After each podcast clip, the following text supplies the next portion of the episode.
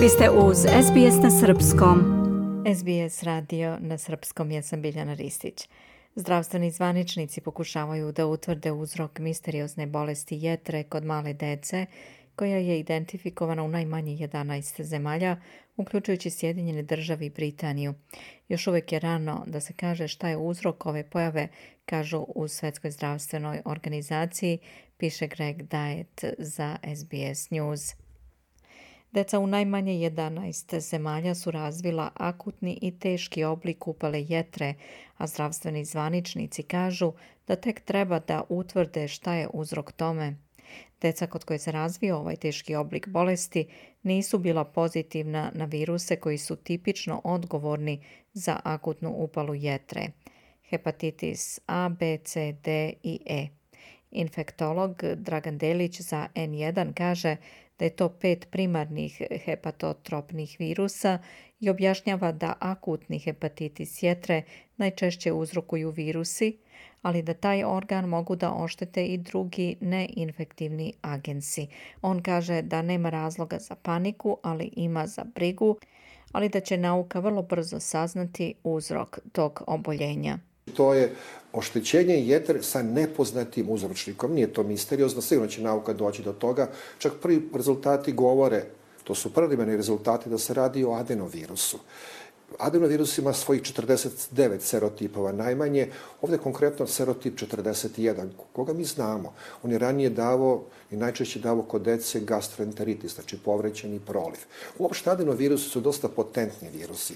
Oni mogu da daju infekciju gornjih disanih puteva, mogu da daju upalu konjuktiva, pa daju faringokonjuktivalnu groznicu, mogu da daju meningitise, mogu da encefalitise, može da pneumonije, upalu pluća, može da gastroenteritis, pa čak kod muške dece može da hemoragični cistitis. Ono što je novo, jer adenovirus nije dao ranije akutni virusni hepatitis. Jeste, vidjeli smo ga recimo kod imunokompromitovanih osoba, kod osoba koji imaju recimo transplantirane organe. Oni mogu dobiju jednu težaku formu akutnog oštećenja jedre s adenovirusom. Međutim, kod imunokompetentnih ne. Da li se virus promijenio u vremenu, da li je mutirao, pa poprimio neke nove osobine koje omogućavaju mu da da akutno oštećenje jetre kod imunokompetentnih, to će nauka vrlo brzo saznati. Generalni direktor Svetske zdravstvene organizacije dr. Tedros Ghebreyesus kaže da je najmanje 17 dece zahtevalo transplantaciju jetre. Oko 10% prijavljenih slučajeva zahtevalo je transplantaciju jetre, a prijavljen je i smrtni slučaj. Simptomi uključuju bol u stomaku, dijareju, povraćanje žuticu, teški akutni hepatitis i povećan nivo jetrenih enzima, kaže on.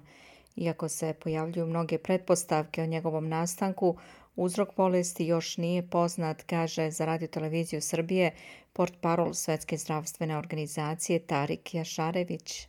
Naravno da, da smo zabrinuti, a mi pratimo ovu pojavu od samog početka i izvještavamo Ministarstva zdravlja u svim zemljama o situaciji. Što se tiče roditelja, djece, osnovna higijena je jako bitna, pranje ruku, ukoliko se pojave teški simptomi i dugotrajni simptomi povraćanja, diareje, stomačnih bolova ili ukoliko se pojavi žutilo oko očiju ili svjetla stolica, treba obavezno se javiti nadležnom ljekaru i do sada su se svake godine pojavljivali određeni brojevi slučajeva neobjašnjenog hepatitisa, ali nikada u ovolikom broju. Treba sada stvarno ispitati o čemu se radi, kaže Tarik Jašarević. Zna se e, da nema nikakve veze sa COVID-om, većina ove djece, ogromna većina djece nisu bili e, vakcinisani, gledaju se infektivni i neinfektivni e, mogući razlozi. Adenovirus je jedna od hipoteza, veliki broj ove djece su bili zaraženi adenovirusom koji inače ne izaziva ovakvu vrstu oboljenja. Znači, treba stvarno ispitati sve dosadašnje slučajeve, pokušati potvrditi neke hipoteze na kojima se radi, ali za sada je još uvijek rano da se definitivno može reći šta je uzrok ove pojave. Specijalista za zarazne bolesti profesor Robert Boy sa Univerziteta u Sidneju kaže da je adenovirus otkriven kod oko polovine dece, najmanje 74. We do know that a proportion of the children Znamo da je jedan deo dece inficiran adenovirusom, obično uzrokom gastroenteritisa. Konkretni adenovirus je zaveden pod brojem 41. Neka deca su istovremeno zaražena covidom, ali nema dokaza da je vakcinacija na bilo koji način povezana sa ovim problemom, kaže on. Sa tom tvrdnjom slaže se i Filipa Isarbrook iz Svetske zdravstvene organizacije.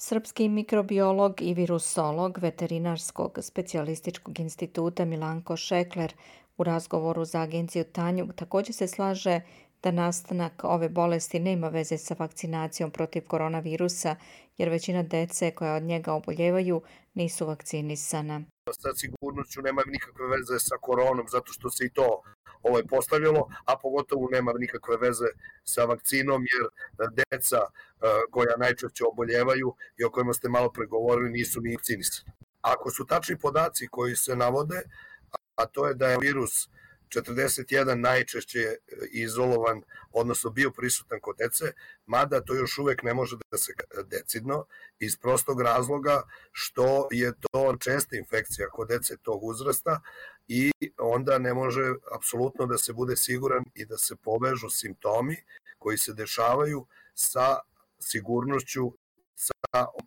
virusa.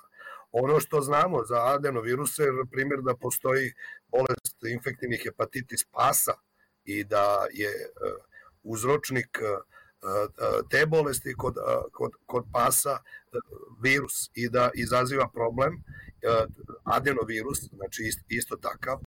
Dr. Isaac Bogaš je lekar specijalista za infektivne bolesti u Univerzitetskoj bolnici u Torontu.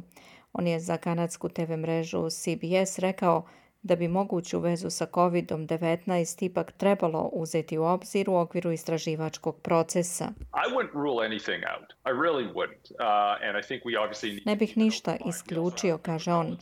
I mislim da očigledno moramo da budemo vrlo temeljiti i otvoreni za sve mogućnosti.